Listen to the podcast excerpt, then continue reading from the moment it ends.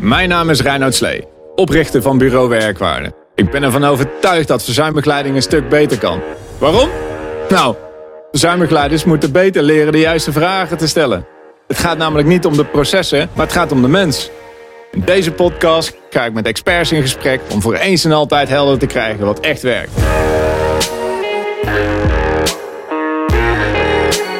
Dit is de Werkwaarde Podcast. Jouw eerste podcast, man. Ja, e- enorm veel zin in, eh Danny. Eh dankjewel voor alle, alle voorbereidingen. Eh, ook uh, super cool dat we dit op deze manier, eerste, eerste podcast, gaan doen. Want wat ik je eigenlijk zou willen vragen, is om mij de eerste keer te interviewen. Is dat jij de host bent voor, voor vandaag en dat ik jouw gast ben. En dat we gaan praten over ehm, wat de werkwaarde podcast eh, is. Weet je, en waarom ik eh, dat ga doen. En, eh, en dat we het vanaf daar, daar verder pakken. Helemaal goed, joh.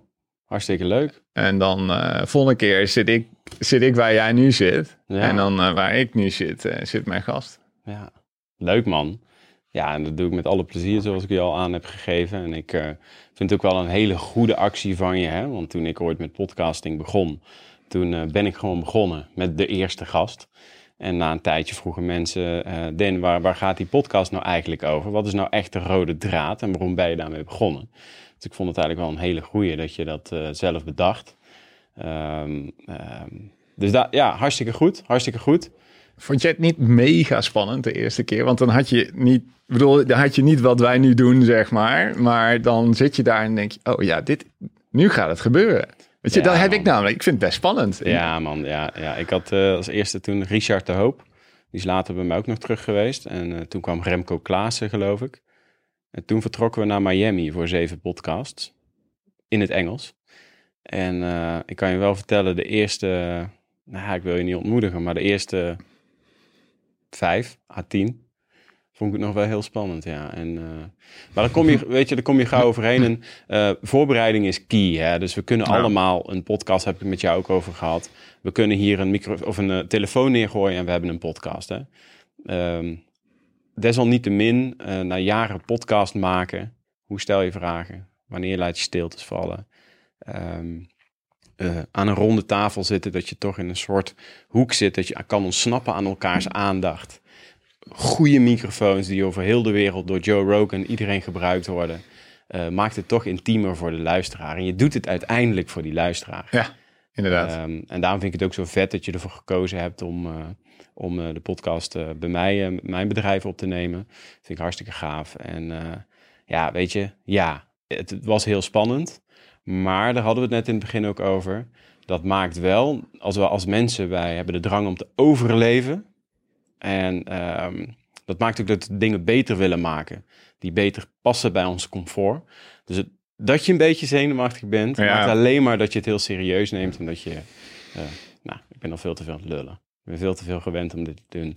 Dus, eh, maar dat is het antwoord, weet je. Dus, dus het kan niet anders dan echt eh, ja, freaking mooi worden wat jij gaat doen. En ja, je gaat iets heel moois doen, man. Ja, nou, dit is voor mij wel echt een, een uitdaging om, ehm, om echt heel helder te maken wat voor mij heel belangrijk is. En ook eh, een heel duidelijk standpunt in te nemen in, Mhm. eh, in mijn vakgebied, namelijk Ja. verzuim, eh, reintegratie, arbeidsongeschiktheid. En dat ik die visie daarop heb. Weet je, dat ik in die afgelopen jaar daar zoveel... ehm ja, ben ik dat el- elke keer gaan fijn slijpen, als het ware. Ja, ja. En ehm, ja, ik, ik merk dat ik daar mensen mee kan helpen. Ehm, werkgevers mee kan helpen, maar ook werknemers. Ja, en ik wil gewoon vertellen hoe dat werkt. ja. Welke ervaring heb ik opgedaan. En eh, ik hoop dat iemand anders daar zijn voordeel mee kan doen. Ja, ja. Ik weet zeker dat het allemaal aan bod gaat komen. Hè? Om, om, om, om de mensen in ieder geval in deze eerste podcast van jou eh, een klein beetje mee te nemen, te framen waar we het over gaan hebben. Ik wil weten wie jij bent. Eh, ik, ik wil dus weten waarom je deze podcast begonnen bent. Ik, ik wil eens een keer een goede definitie van zuim- verzuim en reïntegratie. Wat is dat nou? Wat is de bedoeling daarvan? Daar wil ik met je over praten. Eh, hoe zou een ideale wereld er voor jou uitzien? En ja, ik denk dat iedereen die jou kent, eh, want ik zag op de teaser die we even snel voor de grap gemaakt Mhm, hadden. Er werd ja. al heel veel op gereageerd. Eh, ik denk dat die mensen ook wel enorm benieuwd zijn. ehm, welke soort vragen ga je hen stellen? Hè? Wat gaat er in, in die wereld nog een beetje mis of wat kan er beter? En eh, welke experts ga je allemaal uitnodigen? Dus dat, dat zijn een beetje dingen waar ik met jou op in wil gaan. Maar mensen die je totaal niet kennen, die denken... Wie is, wie Ja. is Reinoud eigenlijk? Met, met, met wie heb ik het genoegen? Welke rollen vervul je in het leven? Wie ben jij? Wie ben je? Ja, ehm, ik ben 38 jaar. Ik eh, ben getrouwd. Eh, ik heb twee kinderen. Ik ben getrouwd met Janine. Eh, ik woon in Breda. Ik heb twee, twee zoons, Flint en Brent, van, van 6 en 4. we hebben een mooi jaar 30 huis. Ik ben eigenlijk al een beetje een voorliefde voor oude dingen. Ik heb ook oldtimer, of niet oldtimer Vespa's. En ik heb een oude auto waar ik leuk vind om aan, aan te sleutelen. Ehm, ik sport graag. Crossfit. eh, hardlopen. Squash. Ehm, maar ja, weet je, een obstacle run. Of weet je, eigenlijk vind ik dat allemaal vet. Dat, ehm, Alles wat met gezondheid te maken heeft, daar hoor ik ook wel een beetje. Met wel een fit, iemand die graag fit, zich fit voelt. Eh, ja. ja, nee, absoluut. Ja, nee, dus ook bijvoorbeeld eh, met, met eten, met bewegen, ehm, maar eh, net zo goed mentaal ook. Mhm. Eh, ehm, ik denk persoonlijke ontwikkeling is, is echt een soort, denk ik, mijn persoonlijke missie. Mhm. Eh, niet alleen voor mezelf, maar ook voor de mensen die heel erg belangrijk voor me zijn. En ja, dat is misschien ook wel wat mij soort elf, elf jaar geleden ongeveer heeft gedreven naar het vakgebied waar ik nu werk. Ik had toen, ik studeerde sportgezondheid en management. Stapje daarvoor nog, één stapje terug nog. Ik heb het SEALS gedaan. Buitensport. Dus ik ging daar met eh, allerlei groepen eh, ging ik eh, de Ardennen in. En op een gegeven moment had ik ook, bijvoorbeeld ook politie met teambuildingsactiviteiten. Ah, was ook leuk. En er waren professionals, dus dat is eigenlijk heel makkelijk om mee, mee te werken. En op een gegeven moment kreeg ik ehm reclasseringsgroepen. Dat was niet per definitie heel makkelijk, zeg maar, om mee te Nou, werken. Kan ik me voorstellen. En toen, ehm, eh, en toen begon ik voor het eerst door te krijgen zeg maar, dat sport niet een soort doel was, maar dat je sport ook als middel kon eh, gebruiken. En er is nog één moment wat ik ook heel goed weet. Ik had een docent op het, eh op het SIOS. En die, die had mij gevraagd om zo'n teambuildingsdag eh, te organiseren voor, voor het korps Zuid-Limburg. Helemaal voorbereid. Ook courses en alles erbij. En, eh, en op de dag zelf zegt hij, eh, roept hij ons bij elkaar en zegt, joh, eh, nieuws. Want we wilden echt dat jullie serieus deze voorbereidingen zouden doen. Maar weet je, politie die, die komt vandaag niet. En in plaats daarvan ja, mag je mij en mijn andere docent eh, meenemen op het team. En toen moest ik vervolgens, want ik had zelf die oefeningen bedacht. En een van die oefeningen was dat je op een paal van ongeveer 15 meter hoog, dat ongeveer te grootte was van een, eh, van een bord, dat je daar met, met z'n vieren moest, op moest staan. Nou, dat is echt een serieuze vertrouwensoefening. En op 15 meter hoog, op zo'n wiebelige paal, dat is best spannend. Ja. En toen, en ik kon dat niet met die vent. Hij had mijn vertrouwen geschaad. En toen merkte ik eigenlijk dat die oefening, dat dat zo goed werkte. Ehm, dus dat je met sport ook heel veel kan doen om relaties met mensen soort duidelijk te maken. Dat ik dat toen heel interessant vond. Dat heeft me gebracht tot sport, gezondheid en management. Namelijk, en toen heb ik afgestudeerd op gezondheidsbevordering op de werkvloer. Illusie armer, zeg maar. Want gezondheidsbevordering op de werkvloer, daar ben ik op afgestudeerd. Maar dat was toch echt wel lastig. Eh, ik liep er met name tegenaan dat mensen die, waar iedereen eigenlijk wel van wist, van nou, weet je, jij zou wat beter eh, op jezelf moeten letten. Ehm, is dat we daar in Nederland eigenlijk zo'n wet en regelgeving op hebben gebouwd. Dus dat we dat dat we alleen maar facultatief dingen kunnen aanbieden aan iedereen. Dus als iemand, zeg maar, als we iedereen weten dat iemand bijvoorbeeld bewegingsarmoede heeft, hè, dus dat echt wel goed zou zijn als hij iets van beweging zou doen, hoeft niet per definitie sport te zijn, maar iets. Hè, en dan kunnen we hem dat alleen maar aanbieden. Dus uiteindelijk ben ik afgestudeerd op gezondheidsbevordering op de werkvloer. Met eigenlijk de conclusie is dat het de echte impact mist. Ehm, en toen ben ik meer de curatieve kant op gegaan. Dus ik vond met name toen uh, reïntegratie uh, vond ik heel interessant. Toen ben ik begonnen met uh, het begeleiden van wij jongens. Dat zijn, het zijn uitkeringsgerechtigden die eigenlijk vanaf een jonge leeftijd een gedrags- of een cognitieve beperking en soms ook lichamelijke beperking hebben. Wat ze een grote afstand geeft tot de arbeidsmarkt. Waar jong stond voor Um, uh, ja, het wet jong uh, arbeidsgehandicapten. Ja, ja, ja. ja. Um, ja, en daar ben ik begonnen. En, dat, en ik, ik ben dus begonnen met, met, met, met, met gasten die, weet je, die hadden schuld, die zat in justitie, met verslaving. Die hadden bijvoorbeeld nog nooit gewerkt. Of, en die hadden meestal ook ouders die nog nooit hadden gewerkt. Ja, hoe oud was je toen? Uh, ja.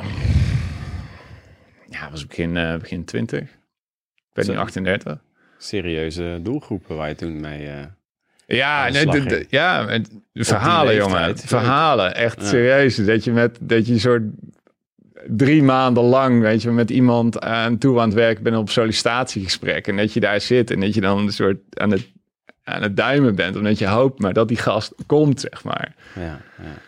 En uh, dat je dan later bijvoorbeeld, dan bel je de werkgever na en dan hoop je dat hij een goede indruk heeft gemaakt. Maar dan bleek er dan dat hij, weet je wel, uh, met, een, uh, met een enorme scheur in zijn broek had gezeten. En dat hij bijvoorbeeld niet, zich niet had gewassen of zo, weet je wel. Dan denk ik, ah, ja. nou hadden we nog zo goed voorbereid. Maar daar ben je heel bezield in, zie ik nu. Wat, wat maakt dat jij zo bezield bent met, want je zegt net, we stonden daar.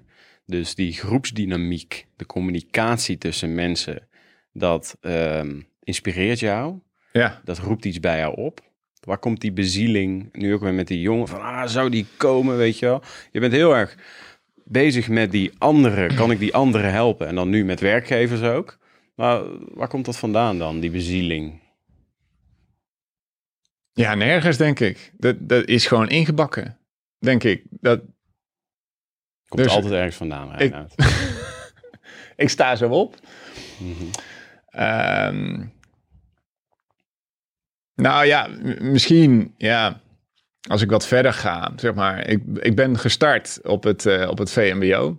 Mm -hmm. uh, ik was geen goede, goede leerling, dus ik heb het VMBO, heb ik het MBO moeten doen en toen het HBO en toen, uh, ik ben hier arbeidsdeskundige en case manager en ik docent en dus ik heb elke keer opleiding op opleiding op opleiding uh, moeten doen. Mm -hmm. En, um, je mag trouwens iets meer zo je microfoon kantelen en in je microfoon. Ik zeg het gewoon yes. lekker tijdens de podcast. Hop. Ja, helemaal prima. Ja. Um, dus ik heb elke keer opleiding op opleiding moeten doen. Mm -hmm.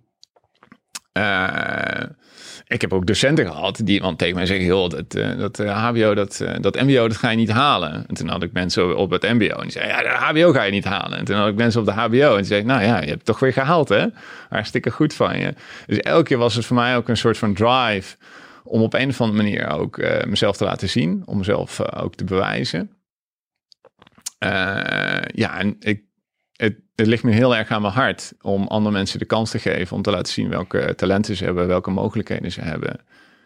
En, daar, uh, en dat gewoon te volle te benutten. Ja. Uh, persoonlijke ontwikkeling is um, niet alleen voor mij belangrijk, denk ik. Ja, ik, het is ook belangrijk voor de mensen uh, om wie ik geef, die dicht bij me staan. Ja. En ook dus met de mensen waar ik, waar ik voor mag werken. En is het ook dat jij het gevoel van onvermogen herkent als mensen tegen je zeggen: dit ga je niet halen. Vervolgens haal je het wel. Succeservaring die je creëert. Ben jij dan ook een soort van die gids of die uh, uh, ondersteuner van mensen uh, die datzelfde gevoel wellicht ervaren als jij ooit ervaren hebt en dat je denkt: hel ja, dan ga ik gewoon even, ik ga er wel voor jou zijn, man. Ja, ja, absoluut. Ja, het, het, alleen denk ik niet dat ooit iemand mijn naam nog weet. Weet je, en dat is denk ik, um, dat is wel part of the game. Daar heb ik ook voor gekozen. Op het moment dat het, uh, dat het mij lukt om de omstandigheden zo te creëren dat iemand uit eigen kracht en uit eigen beweging diezelfde stap maakt. Hmm. En dan een, een, een, succesvol gesprek heeft. Of misschien uh, die relatie met zijn leidinggevende verbetert. Of die leidinggevende misschien um, de relatie met die werknemer verbeterd. Voorbij die dacht dat mogelijk was. Mm En aan het einde van het gesprek zal hij natuurlijk zeggen, dit heb ik gedaan. Dus hij zal trots zijn op zijn eigen werk. Ja. Uh, en niet per die zeggen, Rijn, het is fantastisch. En dat ik daar de achtergrond zeg maar aan allerlei touwtjes heb getrokken om dat mogelijk te maken. Is dat genoeg voor jou? Ja. Ah. Uiteindelijk is de klant, of die, uh, dat is de held. Ja. Niet ik. Ja, mooi. Mooi. Uh, dus die, weet je, uiteindelijk, zeg maar, als, die, als dat weer werkt, ja. letterlijk en figuurlijk, meestal, hè, want mijn expertise is werk. Als het weer werkt, ja. En uh, ja, dan hoef ik niet per se een, eh, een schouderklopje hebben. Alleen als ik al zie dat het werkt en dat het weer geheeld is, of dat het weer, weet je, dat mensen weer aan de slag zijn. Mm -hmm. ja, dat, ja, dat enorm kicken. Hey, dit heb jij um, um, in jouw werk. Uh, dit, dit, is wat je doet, dit is wat je dagelijks doet. Zou je dat eens even kort kunnen um, uh, definiëren? Want ik vroeg aan jou van, goh, wat, wat ben je nou? Je had het over woorden zoals verzuimadviseur, case manager, verzuimbegeleider. Uh, je hebt een bedrijf, bureau werkwaarde. Uh, als je zo in één pitch, in een elevator pitch zou moeten aangeven, waar staat bureau werkwaarde voor en wat doe je daarin? Ja, bureau werkwaarde staat voor ja, 10% minder verzuim in 100 dagen. Door inzicht in verzuim en wat er voor nodig is om het te, te verminderen. dat is bureau werkwaarde eigenlijk kijken naar de simpele oplossing, de inhoud. Dus waar gaat het echt om? Uh, en de mensen die erachter zitten. Zowel aan de kant van de werkgever, want daar hebben we leidinggevenden. En aan de kant van werknemers. Mm En dat er uiteindelijk, zeg maar, als het dus niet meer werkt, dat is arbeidsongeschiktheid, hè, als het dus als gevolg van ongezondheid dus niet meer gewerkt zou kunnen worden, hoe je dat kan herstellen. Ja. En hoe mensen weer tot werk komen. Eh, duurzaam, structureel. Ja. ja. Ehm, en dat doe ik. En dat doe ik uh, nu al iets meer dan elf jaar dan, hè, voor verschillende rollen. Ik ben dan verstart, zoals ik zei, met, met Diva Jongers. Tweede sporttrajecten gedaan. Case management gedaan. Outplacement gedaan. Toen weer case management gedaan. Toen ben ik arbeidskundig gaan doen. Arbeidskundig werk gaan doen. En toen eh, ben ik weer case management gaan doen. Mm -hmm. En eigenlijk doe ik nog steeds case management. Ja. En um, soms, ja, want ik doe ook interim klussen daarnaast. Uh, ik heb gewerkt voor Achmea, uh, Gouds Nederland, Goudse Verzekeringen, Eneco, E.ON. Nu Raad voor de Kinderbescherming. Mm en daar, ja, daar ben ik dan, ja, dat ligt er een beetje aan de opdracht. En soms ben, ik, ben ik echt de case manager, dus dan bel ik de medewerker zelf op. Ja. En uh, soms ben ik meer in, iets meer een adviseursfunctie. Dus uh, bijvoorbeeld bij de opdracht bij Eneco. Maar had ik volgens mij 15, uh, 20 case managers die ik hielp, zeg maar, ondersteunend was. Dus ik medewerker sprak ik niet zelf. Mm -hmm. Maar ik hielp de leidinggevende in de rol als case manager om, ja, om dat contact met die medewerkers goed te maken. En weet je, naast het feit dat je natuurlijk um, uh, onwijs veel, uh, want die beschrijf je net, je hebt echt een behoorlijke track record. Um, wat maakt jou uniek? Wat maakt bureau werkwaarde uniek? Hoe creëer jij die 10% minder? Ja, weet je, die 10% minder, dat is niet omdat ik mensen dus gezonder maak of zo. Hè? Of dat ik een pilletje heb of dat ik medicijnen heb. Je gaat niet met je SEALS uh, verleden aan de slag. Nee, het is ook niet dat ik er zo de sportkaart of uh, appels uh, uitdeel. Dus uh, aan de medische kant is het vaak ook niet. Ik, um, wat ik zie, zeg maar, en wat ik denk dat de meeste mensen wel zullen herkennen, is in hoeverre ben je bereid om met klachten te werken? Op het moment dat je een, ja, je, je hebt hoofdpijn, en uh, je hebt dat uh, verjaardagsfeestje bij de tante, zeg maar, waar het altijd zo saai is, weet je wel. Waar je dan in zo'n kringetje gaat zitten en dan tegenover elkaar zit te kijken. En je hebt, je, ja, je hebt wat hoofdpijn. En dan is de kans misschien is dat je je afmeldt. Ja, is misschien wel groot. Mm -hmm. Maar zou je met dezelfde klachten ook je afmelden voor je eigen bruiloft? Nee, never. Dat zou, daar zou je compleet overheen stappen. Dus ik denk dat werkgevers en werknemers een gezamenlijke uh, verantwoordelijkheid hebben om dat werk betekenisvol te maken. En uh, dat je als leidinggevende ook een, ja, weet je, een werknemer moet hebben die denkt van ja, weet je, voor jou heb ik het over. Ik heb het voor het werk over. Hmm. Ja, want eigenlijk op het moment dat je werk niet zo heel erg leuk is, maar je hebt een fantastische leidinggevende of je hebt een fantastisch team, hartstikke leuke collega's, dan werkt het. Ja. Ja. Ja, en dat zit in de naam. Ja, het is de, de waarde van werk. Ja. Wat het voor iemand kan betekenen. Ik vind werk waardevol, omdat het... ehm, nou, omdat het... Nou, allereerst geeft het je de, eh, de gelegenheid om op eigen kracht inkomen te verwerven. Dus je bent niet afhankelijk van iemand. Je bent, het is geen uitkering. Maar je hebt iets gedaan. Daar krijg je voor betaald. En daar kan je je hypotheek mee betalen. Ja, dat, is, dat, is, dat zijn je eigen handen. Dus je hebt het zelf gemaakt. Dus dat is heel belangrijk. Maar werk is veel meer dan dat. Werk is ook persoonlijke ontwikkeling. Werk is ook een plek in de maatschappij. is ook on- onderdeel vormend van je identiteit. Ja. Heel veel mensen zeggen, joh, als die, die vragen hè, van eh, wie ben jij? Dat is, voor heel veel mensen is het een van de eerste dingen die ze zeggen. Ja. Wat, wat voor werk ze doen. Het zit zo dicht verweven met die identiteit van mensen. En eh, ja, dat, dat is dus voor mij heel belangrijk. En ik zie het dus ook bij mensen die dat dus niet meer lukt, omdat ze dus ziek zijn. Dat ze dus dat daar ook ontzettend veel moeite mee hebben. Mhm.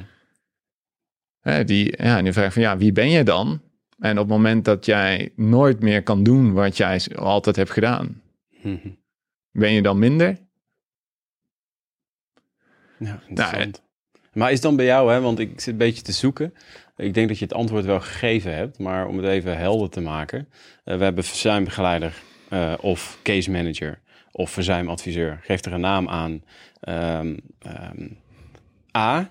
eh, en we hebben een B-variant. Ehm, nou, zeg even A is traditioneel, het begeleiden van. En dan komt ehm Reinoud Slee van Bureau Werkwaarde. Mhm. En die hoor ik ineens praten over betekenisvol werk. En het heel helder schetsen van, hey, ehm, als jij naar een bruiloft zou gaan, of je voelt je even niet lekker bij een verjaardagsfeestje, eh, wanneer zou jij jezelf ziek melden? Is dat wat verzuimbegeleider B, Reinoud van Bureau Werkwaarde, typeert? Helderheid schetsen, voorbeelden geven. Ehm, Is dat wat ik hierin hoor? Ja, dat is het. Ja, dat is, dat is zeg maar de kant van eh, de werknemers. Dus ik probeer werkgevers of leidinggevenden en werknemers met elkaar in gesprek te gaan om eh, over, weet je, waar het echt om zou moeten gaan. Dus weet je, eh, de rug te rechten, zelf het gesprek aan te gaan. Op het moment dat je denkt, ik geloof het niet of ik vertrouw het niet, om dat met elkaar te bespreken. Niet aan iemand anders over te, te dragen of niet over de schutting bij de arbeidsdienst te gooien. Maar zelf, zeg maar, dat gesprek eh, te vormen, vorm te geven. En anderzijds help ik ehm, werkgevers om het proces ehm, van verzuimbegeleiding meer inhoud te geven. Weet je, hoe fijn is het niet op het moment dat je, naar, eh, dat je, dat je ergens last van hebt en je belt en je kan meteen terecht bij je huisarts. En die, die sluit zijn consult af. En die zegt, joh, hier is je recept. Ik heb alvast gebeld naar de apotheek. Het ligt voor je klaar en je kan door. En, en die belt nog na een week na. En dat je echt het idee hebt dat dat proces... eh, dat dat niet soort gestandaardiseerd is... maar dat dat gewoon helemaal goed bij je aansluit. Hoe fijn is dat niet? Hè, dan voel je je echt geholpen en gesteund. En dat kan in verzuimbegeleiding, kan dat ook. Ja. En op het moment dat je dat nalaat, dus mensen hebben het idee dat zij zich moeten vormen naar het proces. Ja. Dat het proces eigenlijk als een soort van trein is die het station heeft verlaten en die bepaalde snelheid heeft. En dat die medewerker daar maar op in moet haken, zeg maar. Dat hij moet komen naar het spreekuur en dat er een arbeidskundig onderzoek is en een sport 2 traject en een allerlei interventies. En dat die medewerker het idee heeft, ja, weet je, het, ik pas me maar aan, maar dat het proces dus niet dienend is. Weet je, dat het proces niet is ingestoken om te helpen in die reïntegratie en dat herstel. Ja. Maar het proces eigenlijk een soort van geautomatiseerde trein is. Waar ben je het meest trots op? Als jij kijkt naar jou, ehm, jouw rol, waar jij een bijdrage aan hebt mogen leveren met jouw bedrijf. Dat je zegt, nou, je hoeft geen namen te noemen natuurlijk. ehm, dat je zegt van, goh, daar ben ik toch wel heel erg trots op. Dat ik dat zo heb weten te, ehm, eh, vorm te geven. Eh, Ja, wat meteen, meteen te binnen schiet, is ehm, dat ik, uh, er was een, was een mevrouw en die was ernstig, uh, ernstig ziek. Maar die had klachten die niet zo makkelijk in een fokje, vakje kon schrijven. Uh, diagnoses waren onbekend. Hè? Het, waren echt, het was een soort van syndroom. Die kreeg op een gegeven moment alles aangedaan, die werkgever en die werknemer, om te komen tot reïntegratie. Echt goed werknemerschap, goed werkgeverschap. Maar ondanks alles is het niet gelukt. Dat is natuurlijk heel jammer. Maar het kon ook echt niet. Dus we gingen, we gingen voor de via aanvragen. En toen kreeg de werkgever kreeg een loonsanctie. Dus een, loon, een verplichting van de loondoorbetaling met een jaar. Ja, dat kwam voor iedereen eigenlijk wel een, uh, was een verrassing. Toen heb ik uh, contact met de werkgever gezocht en met de werknemer. En uh, wat je natuurlijk vaak ziet, is dat een werknemer een tegenovergesteld belang heeft van die werknemer. Toen heb ik eigenlijk alle partijen aan tafel gekregen en zeg, joh, hoe, hoe, willen, hoe zullen we hier samen mee omgaan? Er was veiligheid aan die tafel. Ik mocht er ook bij zijn. En toen, uh, ja, toen stelde ik voor om, om samen in bezwaar te gaan.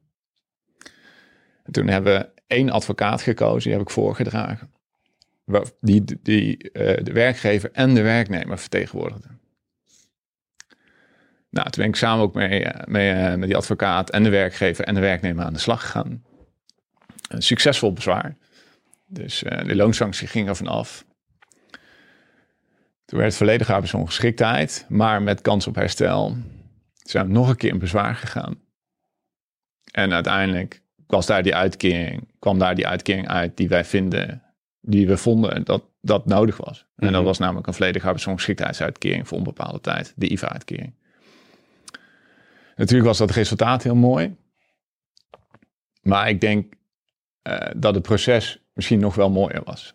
Mm -hmm. en je dat... bedoelt dat je die mensen aan tafel gekregen hebt, dat er veiligheid was. Uh, zijn dat de dingen waar je dan trots op bent? Ja, het mooiste wat ik in dat traject uh, vond, is dat, dat, je, dat ik wel vaker zie dat in een verzuimtraject is dat je soort, lijkt het wel alsof er tegenstelde belangen komen. Ja. Is dat het de werkgever is versus de werknemer. En dat je in dit geval heel uh, duidelijk was, wat me was gelukt, om een gezamenlijk belang te vinden.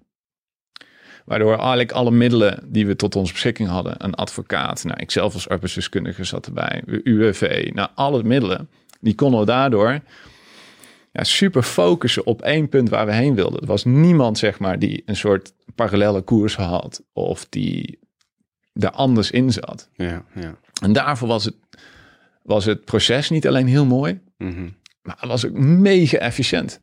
Iedereen zat op dezelfde pagina, Synergie. iedereen wist dezelfde kant op. Synergie, dat is het woord wat jij creëert dan eigenlijk, hè? Ja, nou ja, praktisch betekende het gewoon is dat iedereen zeg maar werkt aan hetzelfde doel. Ja. En als iedereen samenwerkt aan hetzelfde doel, dan gaat het sneller dan wanneer één iemand dat doet of wanneer mensen elkaar eigenlijk, weet je, proberen tegen te werken. Ja. De ideale wereld. Um, ja, de ideale wereld, ja. Hè, dat, hè, ja, toch? Um, en dat zal vast op andere momenten minder goed gaan. Samenwerken aan een bepaald doel. Als we dan naar podcast gaan, hè. Um, dan ben ik toch heel benieuwd, hè. Uh, wat maakt dat jij wat maakt dat jij dacht van, hé, hey, ik moet hier een podcast over op gaan nemen, over dit onderwerp? Um, nou, ik heb, ik heb er wel langer over nagedacht. Maar dat was heel vluchtig en ver weg. Um, wat echt doorslaggevend was, is... Um, ik heb uh, de doorbraaktraining bij uh, Tibor uh, gedaan. En die, een van de dingen was, en die ik werd door de trainer uitgedaagd. Zei, Reinhard, zorg er nou eens voor dus dat je ergens in, je hebt een mooi verhaal. Zorg er eens een keer voor dat je wordt uitgenodigd in een podcast. En toen eigenlijk eerste, toen hij dat mij uitdaagde om dat te doen, dacht ik, ja, maar dat is vet. Maar weet je wat nog gaver zou zijn? Als het mijn podcast is. Dat is nog cooler. Ja, ja. Uh, dus toen heb ik een plan gemaakt. En uh, ja, nou ja, uh, vier maanden later zitten we hier. Ja, ja, ja, ja. De eerste aflevering. Daar ben ik echt apen trots op. Goed zo. Hey, en waar ik dan ook benieuwd naar ben, hè, want um, ik wil het even eerst kort over het waarom van de podcast hebben. Als je zegt, nou, die training. Um, We hebben het eigenlijk al een klein beetje over de praktijk gehad. Je hebt een voorbeeld gegeven waar je heel erg uh, trots op bent. Dat het niet altijd het geval is dat uh, meerdere partijen uh, hetzelfde doel nastreven. Hè? Dat, dat iedereen heeft hun, eigen belangen. Maar toch om even helder te hebben, je hebt net al een klein beetje aangestipt. Wat is nou hè, de bedoeling? Hè? Je kent, misschien kennen mensen die luisteren, je hebt de bedoeling. Dan heb je de leefwereld en de systeemwereld. Hè? En dan zien we heel vaak dat de bedoeling, waar doen we het allemaal voor, dat die steeds kleiner wordt en dat die systeemwereld, regels en procedures steeds groter worden. Ja. Als een voorbeeldje, de bedoeling van bijvoorbeeld een ziekenhuis is zorg verlenen. Eigenlijk zou dat ja, echt heel groot moeten zijn. En heel die systeemwereld weten we dat die vaak wel iets groter aan het worden is door regels, procedures en alles wat er vanuit de overheid. Ja. Nou, wat is de bedoeling van verzuim en reïntegratie? Is je dat gewoon, je hebt hem al een klein beetje aangestipt net, wat, wat, wat, wat is daar de bedoeling van? Ja, het meest simpele vorm, te komen tot werk. Mensen werken niet meer als ik eh, bedoel een verzuimtraject, uh, als we gaan kijken naar waar het in strikte zin voor is bedoeld, dan is het voor mensen die niet kunnen werken als gevolg van een ziekte. Mhm. Maar ja, wat, wat is precies een ziekte? En op het moment dat je. Ehm, wat is dat, een ziekte? Nou, dat is maar een beetje de vraag. Kijk, op het moment dat je dat. Ehm, op het moment dat je een soort. Ja, je kan een soort diagnose krijgen, natuurlijk, van je arts. Nou, dan is overduidelijk dat er een ziekte is. Maar op het moment uh, dat je een gehandicapt eh, kind thuis hebt, of je zit in een echtscheiding, of je zit diep in de schulden. Ja, weet je, is er dan, en, en dat doet wat met je. Ja, het, het, is heel goed mogelijk dat dat misschien wel zoveel met je doet, dat je op dat moment niet die focus hebt op werk. Dat dat gewoon nog niet lukt. Ben je dan ziek? Dat is wel een beetje de vraag. Kun je dat in een kader plaatsen? Of is daar altijd een grijs gebied? Nee, het is denk ik altijd wel een grijs gebied. Als je het in ieder geval via die methodiek wil benaderen. Ik denk uiteindelijk, hè, als je heel gaat kijken, wat is nou de bedoeling van verzuim? Dat het een inkomensvoorziening is voor werknemers die op dat moment niet kunnen werken. Dat, dat, is, dat is in mijn beleving, zeg maar, de, de bedoeling van, van verzuim. En wie bepaalt dan, idealiter, of die persoon wel of niet kan werken. Ja, kijk, we hebben nu, uh, dan kom je dus in die, in die systeemwereld. Ja, en, en arbo en reïntegratie, daar, daar hebben we nogal een grote systeemwereld. De wet en regelgeving is zo opgemaakt dat dus de bedrijfsarts beslist of je dus kan werken of niet. Mm en het is een arts. Dus ja, weet je, die kijkt naar de medische kant van de zaak. Maar nu komt wel een beetje de vraag, hè? want op het moment dat je in echtscheiding ligt en je zit er gewoon helemaal doorheen, heb je dan een gediagnosticeerde ziekte? Ja, nee, want echtscheiding is geen ziekte. Of als je een partner bent verloren, ja, dan zit je in de rouw. Is rouw een ziekte? Nee, dat niet. Maar op het moment, je zou het wel kunnen meten. Ik bedoel, je kan bij mensen bloed afnemen of uh, een hartfilmpje maken. En dan zou je wel kunnen zien, fysiek kunnen zien, dat er met iemand iets aan de hand is. Ja, want ik, ik zit gewoon heel simpel te denken. Volgens mij um, is stress een van de, dat is een beetje mijn wereld, ziekteoorzaken uh, nummer één op dit moment. Die ziekten veroorzaken. Ja, absoluut. Toch? En volgens mij kan een scheiding of een ziek kind of een zieke ouder of een zieke partner toch wel ziekmakend werken. Ja, maar je hebt niet een ziekte, maar toch ben je, ben je er ziek van. Ja. Ja, en dat maakt het, ja, ik wou zeggen ingewikkeld, maar eigenlijk is dat niet zo. Want als je teruggaat naar de bedoeling, is het, in mijn idee is het een inkomensvoorziening voor mensen die op dat moment niet kunnen werken en die mhm. daar eigenlijk zelf geen verwijtbaarheid aan hebben. Ja. Ja. Dus op het moment dat je wel eens een weet is iets doet en daardoor kan je niet werken, ja, dan, dan, ben ik het niet eens dat per definitie die werkgever dan maar die rekening uh, moet betalen. Ja. Ja, um, maar ja, op het moment, ja, dus om dat heel eng te maken, wat is ziekte? Dus dat het alleen gediagnosticeerd moet zijn. Ja, daar zit ook een heel sociaal, uh, sociaal aspect zit er ook aan vast. En ik denk dat, eh, dat een hele hoop werkgevers, dat dat zeg maar eh, het primaire punt is waar het dus wringt. Is dat we eigenlijk een systeem hebben gemaakt. Want dat is op bedoeld met artsen en beoordelingen en tewerkstellingen. Ehm, dat we gaan beoordelen of iemand ziek genoeg is om zijn werk te doen of niet. Ja. En ehm, het sociale component, of het een inkomensvoorziening is en of daar terecht aanspraak op wordt gemaakt. Ja, weet je, dat, dat lijkt soms wel eens vergeten te worden. Ja. Weet je, dat te veel in die systeemwereld zitten, in die processen. En dat we gewoon vergeten dat er dus eh, mensen achter zitten. Leidinggevenden die misschien gefrustreerd zijn over het leed van die werknemer eerst, maar ook de kosten misschien, of productiviteitsverlies, of de continuïteit in het bedrijf. Mhm. En eh, werknemers die eh, bang zijn om een baan te verliezen of zo, of misschien ja, in tijden van ziekte minder inkomen krijgen. Uiteindelijk zijn dat meestal de zaken ehm, waar het echt om draait. En welke, het- welke succesfactoren, welke voorwaarden zijn er nodig om iemand, wat jou betreft, met jouw ruime ervaring, weer aan het werk te krijgen?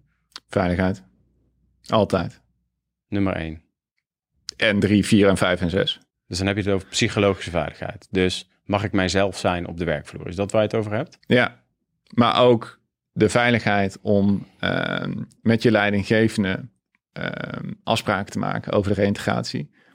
Het wil niet zeggen dat het allemaal eh, dat je je leidinggevende moet vertellen over, weet je, al die medische dingen en zo. Mhm. Dat weet je, dit, dit is geen arts, dus dat hoeft voor mij helemaal niet. En daarnaast, weet je, er is ook privacywetgeving, maar ik heb daar echt geen problemen mee. En het zou ook volgens mij helemaal niet nodig hoeven zijn. Maar wat wel belangrijk is natuurlijk, op het moment dat je op dat moment niet kan werken, dat er heel veel vrijheid ontstaat en veiligheid ontstaat. En zet je, hoe kan je nou dat werk inzetten om bij te dragen aan het herstel? Ja. En wat zou de werkgever kunnen doen om dat werk, ja, om, om dat werk een soort springplank eh, te maken voor die werknemer? Ja. Ja. Dus in, in basis moet dat vertrouwen daar dus zijn.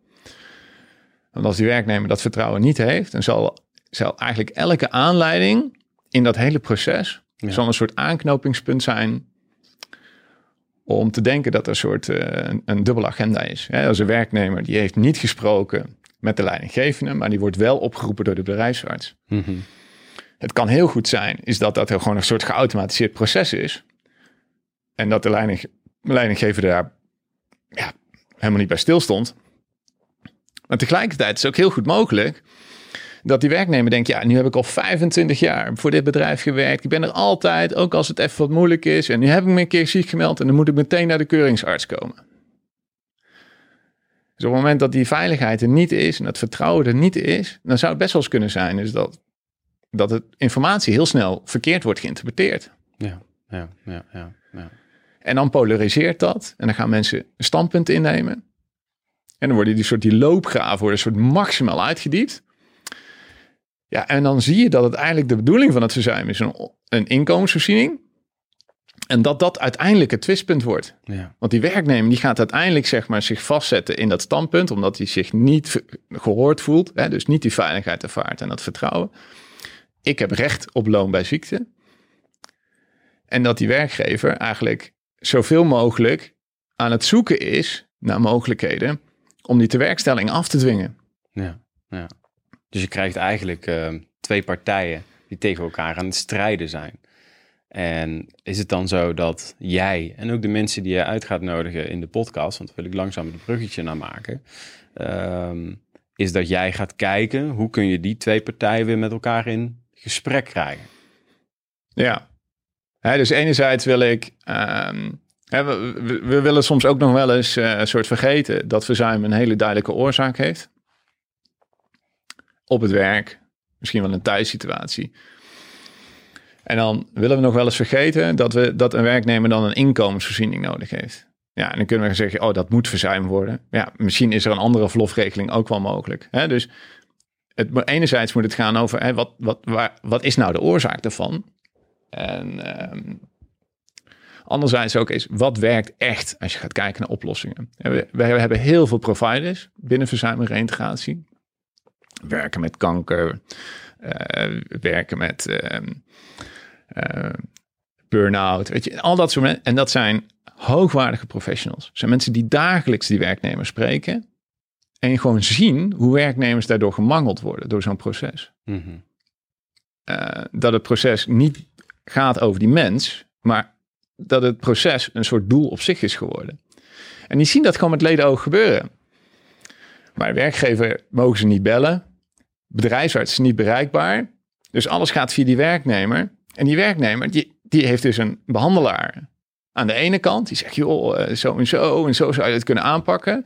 En een bedrijfsarts aan de andere kant. Maar die praten meestal niet met elkaar. Dus iemand die bijvoorbeeld eh, depressie heeft of burn-out is, die is niet in staat om überhaupt, hè, veelal niet in staat om helder überhaupt na te denken en beslissingen te nemen. En die zit dan als een soort regisseur tussen een behandelaar en een werkgever in. Ja. Ja. Ja, je ziet dat ook vaak. Hè? Dus dat is ook vaak het doel van de reïntegratie bij veel bedrijven.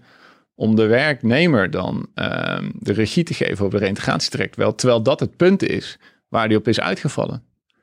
Dus dat het niet meer lukte. Weet je, dat hij alles probeert, alle balletjes probeert hoog te houden. En dat, dat het niet meer lukte. En die persoon zeggen we, oké, jij bent nu aan zet. Ja. Je hebt eh, de case manager, de bedrijfsarts, de leidinggevende, de bedrijfsmaatschappelijk werker, jouw behandelaar, jouw huisarts, je partner. En ga ze maar door. Hè? Je advocaat, weet je. En, En de familie die nog aan jou vraagt, hey, eh, ben je niet aan het werk? Hoe en de buurvrouw en de buur. En weet Ja, je, in de ja. gemiddelde reintegratietrek denk ik wel dat je je verhaal hebt gedaan aan tien verschillende mensen. En heel even los van is dat we meestal ook nog wat wisselen. En er komt een nieuwe bedrijfsarts, een nieuwe case manager. Dus dan mag je verhaal wel opnieuw doen. Maar dat even laatst. Er zijn, heb je tussen de vijf en de tien mensen. Heb je sowieso bijna al een eenvoudige integratietrek. Mhm. Als het echt wat complexer wordt, heb je wel 15, misschien wel 20 mensen. Nou, als er een arbeidsongeval is of een letsel, ja, dan is het misschien nog wel meer dan 20. Ja. En als die werknemer die spil is, nou, dat is best belastend, dat kan ik je vertellen. Ik bedoel, ik doe dit werk nu 11 jaar en ik leer nog elke dag hoe je de spin in het web kan zijn. Ja. En als je tegen die werknemer zegt, nou, vanaf nu mag jij dat doen. Ja. Het is jouw verantwoordelijkheid.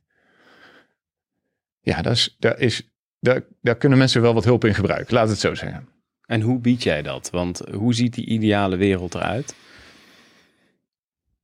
Nou, die ideale wereld denk ik is dat we medewerkers en leidinggevenden de regie geven als dat past en als ze dat kunnen. Ehm, Wie bepaalt dat? ja, zij zelf. Oké. We kunnen toch gewoon, ik, ja, weet je, ja, dat is dan mijn aanpak. Dan vraag ik het gewoon aan die werknemer. Ik zeg, eh, we gaan naar reïntegratie of eh, hè, hoe zie je die komende tijd? Zou je het fijn vinden als je daar zelf invulling gaat geven? Of zou je het fijn vinden als ik een voorzet doe? Wil jij die, wil jij die kartrekker zijn? Mhm. Of wil je dat ik dat word? Ja. ja. En als die werknemer dan zegt, ja, ik wil dat jij dat doet. Nou, dat is ook goed. Ja. En nou, daar houden we dan onderwerp van gesprek. En dat, in de loop van de tijd gaat dat veranderen. Want vroeger of later, dan gaat die medewerker werken. En is een onderdeel van, dat, van zijn traject. Is natuurlijk weer eigen grenzen respecteren. Weten waar je ja op kan zeggen. Weten waar je nee op kan zeggen. Dus vroeger of later moet dat erin zitten. Mhm. Maar het is niet per definitie vanaf de eerste dag. Ja. Ook Dus hoor ik jou eigenlijk een beetje, hoor ik, sorry dat ik je onderbreek, maar hoor ik jou eigenlijk een beetje zeggen, want ehm, ik hoor het in jouw jingle ook, hè? het gaat niet om de processen, maar het gaat om de mens, is dat we die systeemwereld, die hebben we eigenlijk een beetje uit bepaalde angst misschien, eh, daar kunnen we ons achter verschuilen. Die hebben we eh, eh, opgehemeld, die, die, die hebben we omarmd. Dat, dat, daar moeten we e- ons echt aan houden, want stel je het voor. Ja. En we zijn dus eigenlijk de dialoog een beetje, vooral met de werknemer, die zijn we een beetje uit het oog verloren in de bureaucratie en de regels en de procedures. Ja. Ik, In, en het bos van, de, eh, van alle regels eigenlijk. ik denk ook dat we, ehm, dat we het met z'n allen ook doodsbang vinden om echte vragen te stellen die echt belangrijk zijn. Weet je, een van de, als ik bij een nieuwe klant kom, dan ben ik altijd nieuwsgierig hoe de, hoe de beleving is van werknemers. En wat ik dan meestal doe, dan, Dat is nu dan de werkgever. De ene keer is dat een, kan dat een werknemer zijn en nu heb je het over een ja, maar als ik naar een werkgever ga en die, die vraagt aan mij van, goh, weet je, waarom hebben wij verzuim? Waarom is het verzuim te hoog bij ons? Dan heb ik eigenlijk standaard een aantal interviews, diepte-interviews met een werknemer. En dat is eigenlijk één vraag die ik ze maar stel. En dan ga ik drie kwartier meestal op mijn handen zitten. En dan is het, hoe is het om ziek te zijn bij Nou, en dan noem ik het bedrijf. En that's it. En dan heb ik drie van dat soort gesprekken. Of vier, wat er dan ook nodig is. En dat spreekt vaak heel erg boekdelen. Oké. En dan komen dus al die regels en die procedures. En dan is het proces op een gegeven moment, als ik jou zo hoor, soms zwaarder dan uh, het ziek zijn aan zich. Ja, de, de echte vraag. Hè? Ik vul het trouwens in, hè, maar. Uh... Nou ja, dus de vraag, zeg maar, hoe is het om ziek te zijn bij ons? Hoe vind je dat ik het doe als jouw leidinggevende? Of hoe vind je, hoe zou jij, uh, weet je, hoe is de, wat is de kwaliteit van onze verzuimbegeleiding? Wat werkt echt voor jou? Ja, dat zijn allemaal vragen die, um, die meestal niet gesteld worden. En het is ook best wel spannend natuurlijk. Want stel je nou eens voor, is dat je een soort van antwoord krijgt. Waar je niet blij van wordt. Ja, ja. ja inderdaad. Je hebt een werknemer en die zegt, joh, als, als het zo doorgaat, dan hoeft het voor mij niet meer. Dan kan je naar huis gaan met het idee, ja, wat bedoelde hij nou te zeggen? Bedoelde hij nou dat hij, dat hij een eind aan zijn leven wil gaan maken of dat hij erover nadenkt?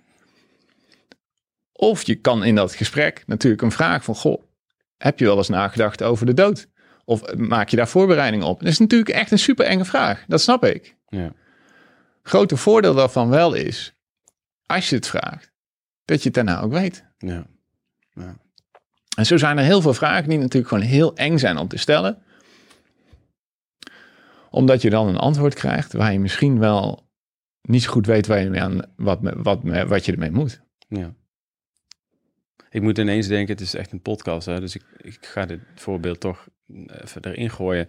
Ik, ik heb recent iemand in de podcast gehad, een leidinggevende van een heel groot uh, team. Echt een heel groot team, zullen we maar zeggen. Meer een bedrijf. En uh, die man, heel inspirerend man, heeft een keer zijn nek gebroken. Zijn dochter die zijn einde aan haar leven willen maken. Uh, uh, zijn vader op jonge leeftijd verloren. Hij is nu zelf 56. En precies in die podcast uh, zei hij... ja, dit is de datum dat mijn vader overleden is op 56-jarige leeftijd. Hm. Heel bizar verhaal. en uiteindelijk stelde ik hem één vraag. Want hij heeft dus heel veel succes als leidinggevende in zijn team. Heel veel succes. Dus ze haalden maar 40% van de output... Toen kwam hij binnen en nu halen ze 200% van de output. Wow. Omdat hij een heel goed onboarding traject heeft uh, opgezet, waar hij heel persoonlijk is. Hij is heel kwetsbaar naar zijn werknemers, stelt hele goede vragen. En waarom stelt hij nou zo'n goede vragen, denk jij?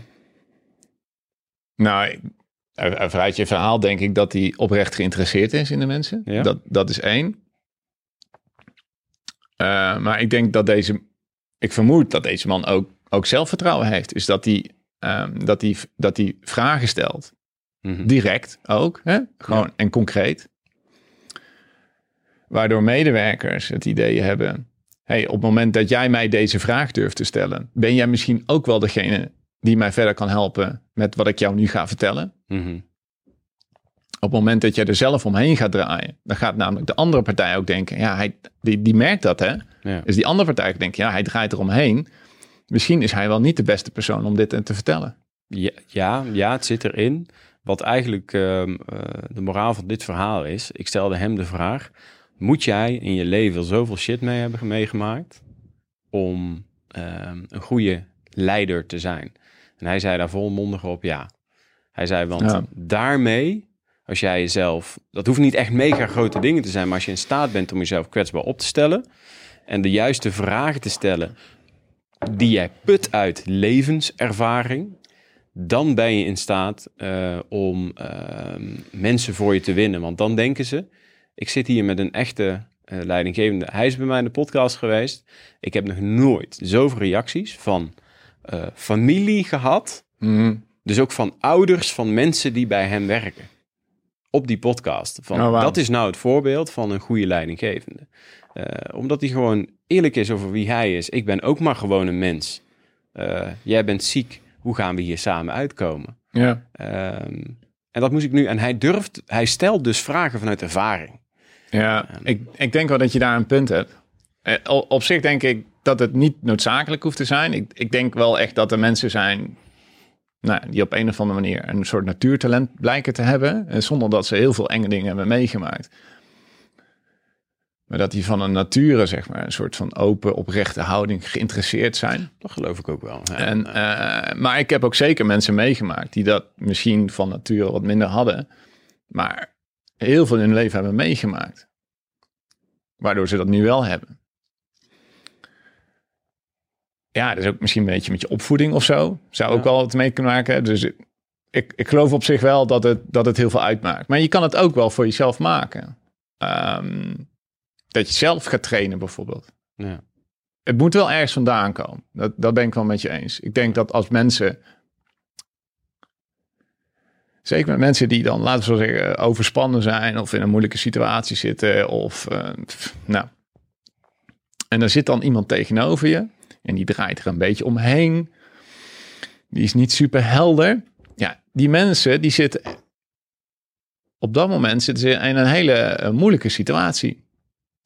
En die antennes, zeg maar, over het aftasten, zeg maar, van wie gaat mij helpen. En hebben zij oprechte intenties om mij verder te helpen.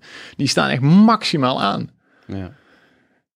Eh, en ja, misschien ook wel een beetje een kort lontje, want je bent jezelf niet helemaal natuurlijk. Mhm.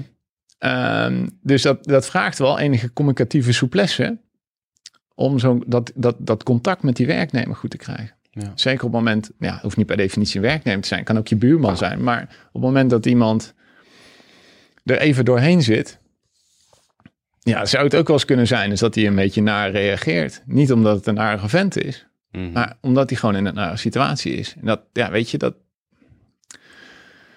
Ja, dat vraagt communicatieve souplesse. En ik denk wel dat het enorm helpt op het moment dat je zelf ook al een keer een vervelende situatie hebt meegemaakt. ja. Ja. Ehm, dat je daaruit kan putten. Of dat je misschien zelf het ook al een keer hebt meegemaakt. En dat je misschien een keer wel eens een goed voorbeeld hebt gehad. En dat je, ik denk, ja, weet je, ik- ben ook een keer burn-out geweest. En toen had ik een bestuimbegeleider. En die, eh, die, ja, die deed het heel goed voor mij. En dat, ik ben hem zo dankbaar daarvoor. En nu wil ik dat ook voor andere mensen doen. Dat helpt heel erg. Maar het kan ook zijn dus dat je juist een heel slecht voorbeeld hebt gehad. En dat je nu denkt, ja, weet je, mijn traject was zo bagger. Ik ga het nu anders doen. Ja. Ja. Dat kan ook. Het is een interessante dynamiek, hè? Want ik hoor al, en dat is ook eh, natuurlijk de reden waarom je dacht, ik moet hier eh, mijn eigen podcast over maken.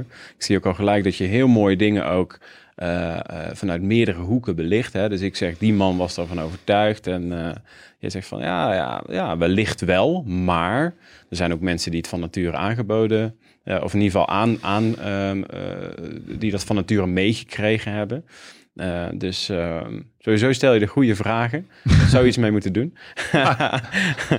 dus, ehm, ehm, ja, dit is gewoon een, een heel dynamische wereld, dat hoor ik al. Hè? Want we zouden hier zo nu al een gesprek van drie uur kunnen, van kunnen maken. Maar als je kijkt, eh, de podcast aan zich. Je gaat mensen uitnodigen. Je gaat experts vanuit alle... Want het is, Ja. je moet er holistisch naar kijken, denk ik. Hè? Als ik dat zo een beetje hoor, naar dit onderwerp.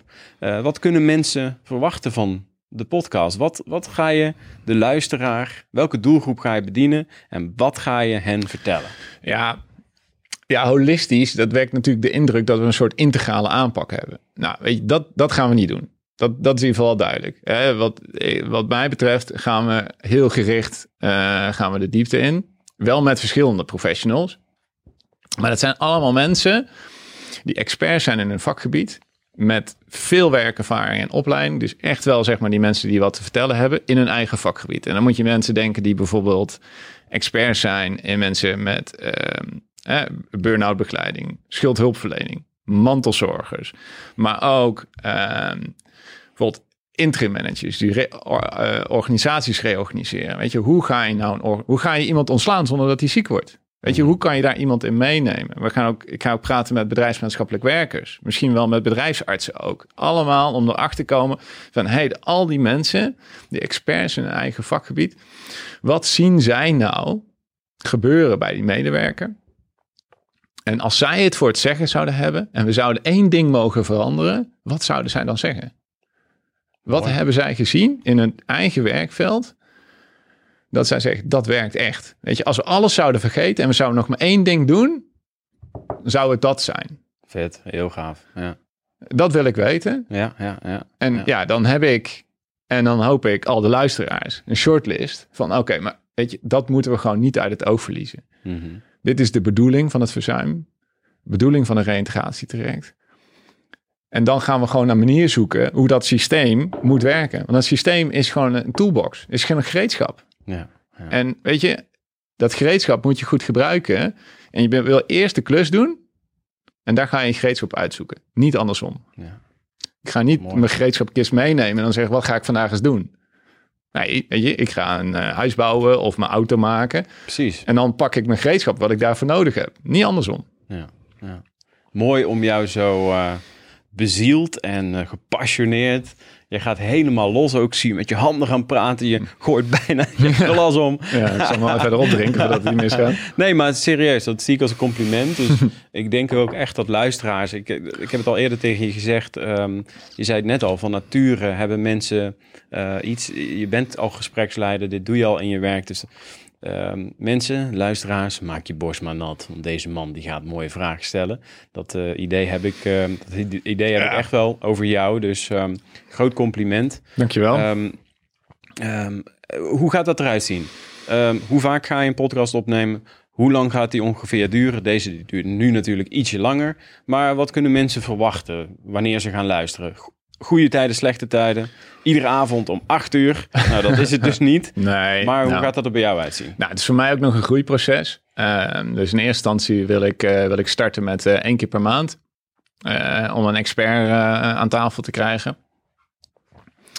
In ieder geval voor de komende, voor de komende zes maanden. Mhm. Nou, we hebben nu deze podcast. De volgende, die zal er, die zal er snel, snel aankomen. Kleine cliffhanger. Met wie zit je dan hier aan tafel? Ja, nee, ik zit aan tafel met, eh, met Jorik Seijs. Mhm. Eh, hij is eh, eigenaar van, eh, van Werk en Scheiding. En eh, hij is de expert en specialist. En ook ervaringsdeskundige. Voor mensen die in een situatie van eh, scheiding hebben gezeten. Of eraan zitten te komen of net niet. Weet je, alles rondom dat thema.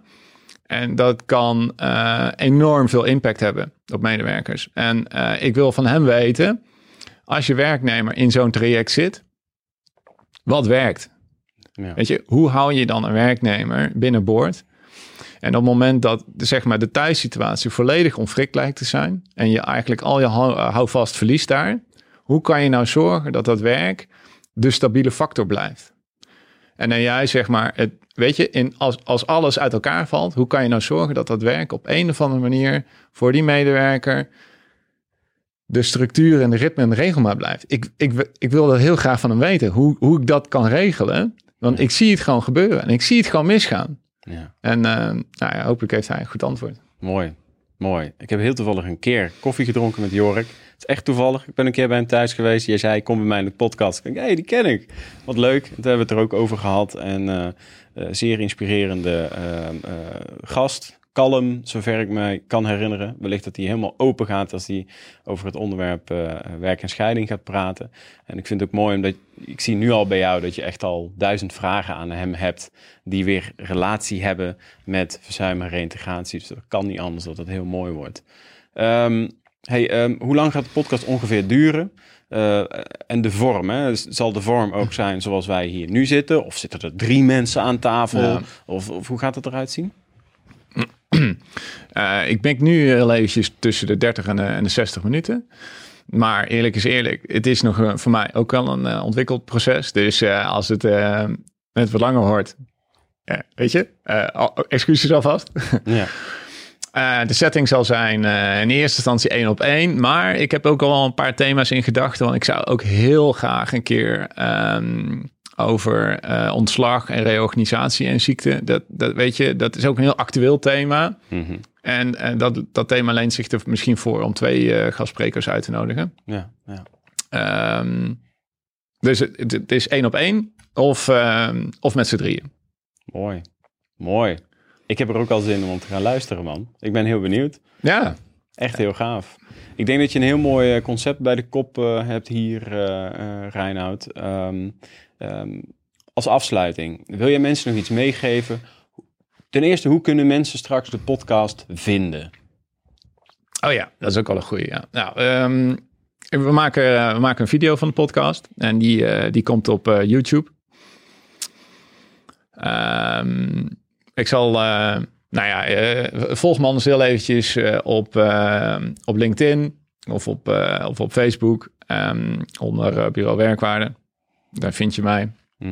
Dan zal ik zorgen dat daar de goede links komen. Eh, daarnaast kan je de podcast ook lekker onderweg of in de auto luisteren. Dus we, we gaan ervoor zorgen dat die op eigenlijk alle nou, grote media te vinden is. Ja, Spotify, iTunes, Soundcloud. Overal eigenlijk te vinden op eh, de Ja. mensen hun favoriete podcast applicatie. Ja, dus je kan hem gewoon eh, eh, dus je kan hem luisteren wanneer, wanneer het jou goed, goed uitkomt. Mhm. Eén keer in de maand komt dan een, komt dan een nieuwe versie uit. Voor de mensen die ja, misschien halverwege starten, ja, die kunnen dan daar aanhaken of nog een keertje teruggaan. Dat is natuurlijk wat ze zelf mooi vinden. Ja, heel gaaf. Ehm, als jij niks meer hebt, ehm, misschien wil je nog ergens mee afsluiten. Ja, Eh, we hebben maar nog mijn vragen eh, zijn, eh, dit waren mijn vragen eigenlijk wel voor jou. Ja, tof. Ja, nog één ding. Is ook, ehm, dat is namelijk de vraag, zeg maar, die ik mezelf stel, zeg maar, al in de reïntegratietraject. Als je nou alles zou stoppen in een reïntegratie, in een verzuimbegeleiding, dat soort dingen. En je zou één probleem zou je kunnen mogen tackelen. Weet je, wat zou dat dan zijn? Als je, weet je, de werknemers en verzuim, weet je, het, het lijkt altijd heel veel complex. Maar weet je, dingen vallen meestal vanzelf op zijn plek. Op het moment dat je de angel eruit haalt. Wat is nou die angel? Laat heel even dat systeem los. Kijk, ga terug naar de bedoeling. Zeg maar, als je één probleem kan oplossen, wat zou dat dan zijn? Ga dat bespreken met die werkgever en die leidinggevende. Zorg dat daar soort. Kijk eens of je daar consensus op kan vinden. Vergeet de rest. Kies één probleem. Echt, En weet je, kijk eens wat er gebeurt. Als je alle beschikbare middelen die je hebt, iedereen die je erbij, of je, of, of je die aan dat ene probleem kan laten werken. Niet honderd dingen, gewoon eentje. Kies er eentje, ga daar eens gewoon mee aan de slag. Maak het klein, maak het klein. Super concreet. Zorg dat mensen daarachter staan, achter dat ene ding. En dan, en dan werken naar een oplossing. Ja, dan een succeservaring creëren op dat ene ding. Dan weet je dat je er samen toe in staat bent. En dat dan doorpakken. Ja. Ik denk dat het kenmerk van verzuimen is, is dat je niet alles hoeft op te lossen. Vind ik een hele mooie afsluiting. Reinoud, ik ga jou ehm, heel veel succes wensen. Ehm, ik, ehm, ik ga nu achter de microfoon vandaan. Daarna zit jij op deze plek en zullen er eh, allerlei interessante gasten komend half jaar op eh, die plek zitten. Nogmaals, ik wens jou heel veel succes.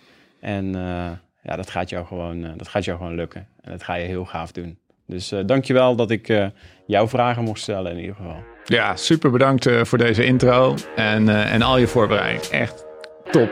Echt magnifiek. Dankjewel. Super, thanks. Bedankt voor het luisteren naar de podcast.